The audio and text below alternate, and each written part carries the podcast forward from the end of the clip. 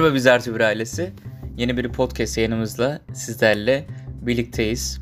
Ee, önceki podcastlerden gelen küçük eleştiriler var. Öncelikle onlara cevap vererek başlamak istiyorum bu podcast'te. Ee, yakın arkadaşlarımın çoğu podcast çekerken söyledikleri şey e, gerçek hayatta böyle olmadığın, aslında daha farklı konuştuğun ya da burada daha ciddi konuştuğun gibi söylemler alıyorum. E, bunun sebebinin tek konu yani tek başıma bir şeyler anlattığım için bunun zorluğu mu desem ya da daha farklı bir platform olduğu için bununla ilgili farklı bir havaya mı giriyorum ya da öyle mi seslenmek istiyorum bilmiyorum. Öyle bir farklılık olduğunu söylediler. Ben öyle pek olduğunu düşünmüyorum. Çünkü yalnız konuşan bir adamın yani size hitap ediyorum. Biz artı bir ailesine hitap ediyorum biliyorum ama sonuçta şu an yalnız başımayım. Herhangi bir e, konukla da e, podcast çekemedim daha. Umarım yakın bir zamanda, yakın bir gelecekte gelmesini bekliyorum. İkinci bir e, yakınılan durumda e, podcastlerimin yavaş olduğuna dair e, bir eleştiri var. Ben çok eleştiri e, şey demiyorum tabii.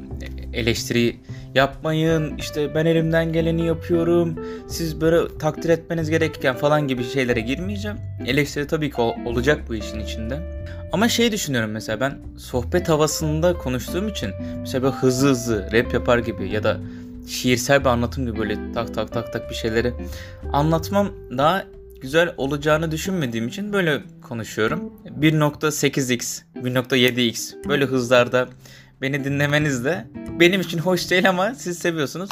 Böyle devam edebilirsiniz. Ee, bugün bir tane konu üzerinde değineceğim. Ee, bütün podcast'i onun üzerine kurmayı planlıyorum. O konu üzerine. Ama öncesinde böyle küçük küçük olaylar oldu. Ee, olaylar derken benim hayatımda zaten podcast çekerken vlog çekiyormuş gibi oluyor. Ben hayatımdan bir şeyler anlatıyorum ya da bir şeyleri hikayeleştirip size anlatıyorum. Bitki topluluğu diye bir şey varmış. Akdeniz Üniversitesi'nde.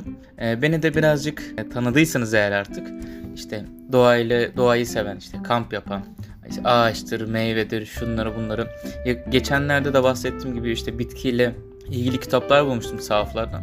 Onları araştırıyorum. İşte bitkilerin doğal... Ben çok ilaç kullanan bir insan değilim. Çok gerekmedikçe, çok çok gerekmedikçe kullanmıyorum. Onun yerine işte baş ağrısı olduğunu hemen bir tane ilaç atayım. Geçsin gibi son anına kadar, acısına kadar hissedip Ondan sonra geçmezse eğer kullanıyorum. Yakın zamanda hiç ağrı kesici falan bilmem. Neyse işte bitkilerin iyileştirici gücü, şifalı bitkiler gibi şu aralar bunlara merak sardım. Şans eseri ki Ayşe arkadaşım yemekhanede dururken işte bitki topluluğunun bir tane afişine denk gelmiş. Oraya gittim bitki topluluğuna. Oranın başkanı e, çok bilgilendirici bir şekilde neler yapıldığını, işte e, endemik bitkiler işte Akdeniz bölgesinde yoğunlukta bazı e, IQ seviyesi düşük, dalga geçmek için söylemiyorum, zekası düşük insanlar e, çok zor yetişen, 3000 metrede, 3500 metrede yetişen bitkileri e, öğre, öğretmenleriyle birlikte buraya getiriyorlar. İşte bakımını yapıyorlar, zor işte bitkinin uyum sağlaması, onların ona ilgi göstermesi falan gerekirken gece vakti ya da herhangi bir zaman diliminde gelip biri onu kopartıyormuş. Mesela onca emek boşa gidiyormuş. Oranın güvenliğiyle ilgili sıkıntılar varmış. Ne bileyim zaten bizim en çok yakındığımız durumlardan biri de yere çöp atma alışkanlığımız. E, bu alışkanlığımız nedense bütün e, Türk insanının içinde var. Açık söylemek gerekirse. Ne bileyim şeyden bahsetmiyorum. Çikolata yediniz bunu attınız. Zaten bunu yapan çok insan var. Ya biz de böyle küçük küçük bazen ben buna çok dikkat etmeme rağmen mesela meyve suyunu açtınız böyle. İşte pipetini çıkartırken o yapışkan olanlardan böyle en güzeli vişnelidir bu arada. Neyse. Vişneni böyle çıkardığınız pipetinden ucundaki o küçük plastik bile doğaya ne kadar zarar verebileceğini düşünemiyoruz. Bizden daha küçük canlılar var. Zarar veren işte mikroorganizma canlılar falan. Yani plastik yararlı bir şey. Tamam ama yani doğa için o kadar yararlı bir şey değil. Onunla ilgili bir bilgilendirme yaptılar. İşte e, ben o başkana belirli sorular sordum. Güzel cevaplar aldım. Umarım ilerisi için benim de e, severek yapacağım bir etkinlik olur bu. E, bitki topluluğu kulübü. Öyle bir güzel bir topluluğa kaydoldum. E, diğer bahsetmek istediğim konu da meslek seçimiyle ilgili konuşmak istiyorum. Şimdi anlayacağınız üzere ülkemizde çoğu mesleğin artık nasıl bahsetsem bir değeri kalmadığını düşünebilirsiniz. Gençlik olarak biz bunu daha çok düşünürüz ama hala büyüklerimiz, ailelerimiz e, örnek veriyorum bir tıp fakültesinde okuyan öğrenci ya da bizim bölümde eşit ağırlıkta hukukla ilgili bölümlerde bunlar belli başlı meslekler işte tıp okuyun İşte avukat olun, savcı olun, hakim olun, memur olun, işinizi garantiye alın. Şimdi düşünüyorum fakültesinde okuyan bir birey, insan 6 yıllık bir eğitimini oluyor. 4 yıl uzmanlaşmaya çalışıyor. Yıllar değişebilir. Çok vakıf değilim bu konuya. E, bizim için de öyle mesela. E, 4 yıl okuyorsunuz. Bir yıl bunun stajı var.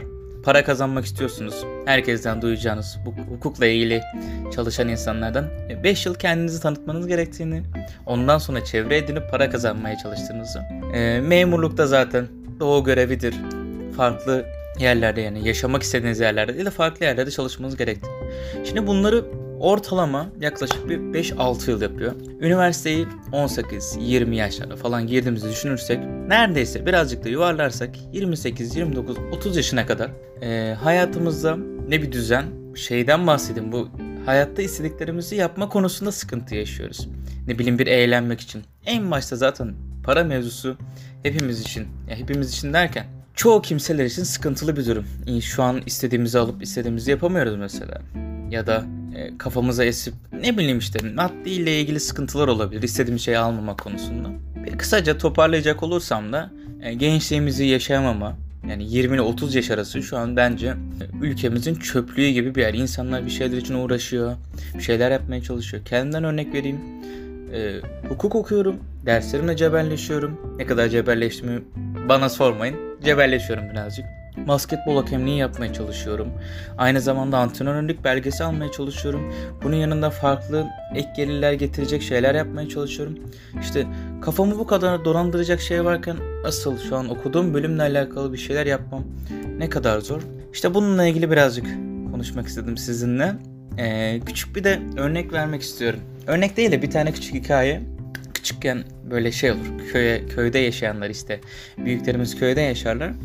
Ee, böyle yuvarlak bir masa düşünün işte dedeniz, nineniz, teyzeler, amcalar, komşular böyle bayram, kurban bayramı mıydı yoksa Ramazan bayramı, şeker bayramı hatırlamıyorum. Oturuyor büyükler, bütün her şey konuşulmuş, siyasi görüşler, kurbanın ne kadar önemli olduğunu, işte kime verileceğini, kurban nasıl kesilir, şişirilmesi gerekir. Bunları geçiyorum ya da şekerle ilgili çocuklar gelip gidiyor. Bütün konu bitince konu illaki dönüp dolaşıp size gelir. O böyle küçük yanda oturuyorsunuz. Hadi bitse de artık içeri gidip televizyon izleyeyim, oyun oynayayım, şeker yiyeyim, baklava yiyeyim falan. Konu gelir annenizin yanınızda ya da babanızın yanınızda, ablanız, abiniz, kardeşiniz otururken derler ki büyüyünce ne olacaksın? Şimdi bu öyle e, sıkıntılı bir soru ki. Şimdi hayalini mi söylemek istersin? Yoksa işte bu belli kalıplardır. Doktordur, mühendistir, avukattır, hakimdir. İşte öyle şeyler mi söylemek istersiniz? Ya da hayaliniz olan şeyi mi söylemek arasında kalırsınız. Şimdi bizde küçükken yani daha çok şu anki çocuklarda fark ettiyseniz daha böyle girişkendirler. Küçükken biz biraz daha böyle bunun kötü bir şey olduğunu söylemiyorum. Düşünüp tartıp annemize bakarak konuşurduk. Ağzımızdan çıkan şeyin çünkü geri dönüşü daha kötü olabilir diye. Böyle bir karşısındaki soru soruyu soran kişiye bakarsınız. Soruyu sorduktan sonra annenize bir göz getirirsiniz. Bizde anne daha büyük bir figürdü çocuk gelişiminde. Benim de o gün nereden aklım estiyse e, annemle bu konuyu konuştuğumuz hala bana güler. O gün kızmamıştı. Teşekkür ediyorum ona. Muavin olmak istediğimi söyledim. Şimdi hiç beklenen bir cevap değil. Beklenen bir cevabın dışında hayalim olan bir şey de değil. Çünkü ya hayalim o zamanlar ne bileyim işte basketbolcu olmak, futbolcu olmak, pilot olmak. Muavin nereden esti? Şimdi geçenlerde bunu annemle tekrar konuşup e, düşündüm neden muavin demiş olabilirim diye. Çünkü yani muavinliği de küçümsemek adına söylemiyorum ama e, çok büyük bir geliri, geliri yok. E, çok böyle farklı bir hayatı da yok. Ne bileyim sallasam gemide çalışan bir işçi olsaydım, bir mürettebatta bir insan olsaydım en azından farklı ülkelere gidiyorum. Ama muavin mesela ne bileyim Aydın'dan Denizli'ye, Aydın'dan İzmir'e, Antalya'ya geliyorsun ne görebiliriz? Sonrasında fark ettim ki o dönem için benim bunu söyleme nedenim benim gezme ruhum, karavana şu aralar, şu aralar değil uzun zamandır güzel bir bakış açısıyla yani hayallerimin arasında olmasının nedeni geziyorsunuz, para vermiyorsunuz, yemeğinizi orası karşılıyor, sadece yapmanız gereken küçük işler var ve muavin olarak çoğu yeri gezebiliyorsunuz. Şimdi o zamanlar için şeyi düşünmüyorsun. İşte Aydın'dan Erzurum'a giderken işte ne bileyim sallıyorum işte Uşak'tan geçiyor, Ankara'dan geçiyor, Kırıkkale'den, işte Kayseri'den falan. Sanki orada durup durup her yeri böyle inceliyorsunuz. Ne bileyim oranın antik kentine gidiyorsunuz, müzesine gidiyorsunuz, yerel lezzetlerini tadıyorsunuz. Galiba o zaman için ben böyle şeyler düşünmüşüm. Yani o gün de bana kimse gelip demedi ki e, neden muavin olmak istiyorsun diye. Ben bu cevabı söyledikten sonra e, etrafındaki insanlar güldü. Dediler ki sen o kadar işte okulda okuyorsun derslerin iyi neden muavin yani muavin neden olasın ki? Bana oradaki neden sorusu da bana değil yani. O, o ortamdaki büyüklerin kendi arasında. Annem de işte o büyüklerin şeyinden bana bakmamıştı. O sıra onu hatırlıyorum. Neden böyle bir şey sordum o da sormamıştı. Sonrasında onlar gittikten sonra sonra ben de öyle söylemek istedim. Öyle söylemişim yani öyle ağzımdan çıkmış. İşte böyle de e, değişik ve tatlı bir anım var. Bunu da size e, anlatmak istedim. Yani bundan yani şey gibi düşünün. Çizgi filmler gibi düşünün. Bundan hiçbir şey anlam çıkarmadan gülüp geçebilirsiniz de. Ya da biraz daha detaylı bakıp anlatmak istediğimi ya da sizin daha farklı anlamlar çıkarabileceğinizi e, düşünün diye anlattım. Geçenlerde basketbol demişken şu an gözüme çarpıyor. Miami Heat Lebron forması buldum bit pazarından. O kadar güzeldi ki yani geçen gün giydim. Gerçekten böyle çocukluk hayallerinizdeki işte ne bileyim sporculardır, olmak istediğiniz kişilerdir. Onun üstüne geçirdikten sonra hareketleriniz ona benzemeye başlar ya bir özgüven depolanır. Cidden Lebron'un da yani beni şu an dinlemiyor tabii ki. Şu an Türkiye'deki çoğu insan da beni dinlemiyor ama hayatımda ne kadar önemli olduğunu tekrardan hissettim. Beni ne kadar geliştirdiğini ve değiştirdiğini hissettim. Öyle Lebron forması aldım ve e, çok uygun bir fiyata aldım. Söylemek istemiyorum şimdi. İnsanlar burada söyleyince benim gittiğim yerlere size gelirsiniz falan daha ürün sıkıntısı olur diye. Şaka yapıyorum. 5 liraya gibi uygun bir fiyata aldım. Çok güzel bir formaydı. Yavaştan e, podcast'i toparlayayım. 13. dakikaya giriyoruz. E, film olarak da e, hayatla ilgili geçen podcastlerimde söyleyip söylemediğimi hatırlay hatırlamadım. Podcastlerimde de dinleyip baktım film kısımlarına ama Metin Akpınar'ın e, biyografisinin anlatıldığı hatta otobiyografi kendi de bir şeyler anlatıyor. E, bir filmi var Netflix'te. İyi ki yapmışım diye. Şu an söyleyince sanki bunu söylemiştim ama söylememiş gibi yapıp bunu izlemenizi yani izlemeniz derken izleyebilirsiniz diye söylüyorum. Belgesel tadında mükemmel bir yapı.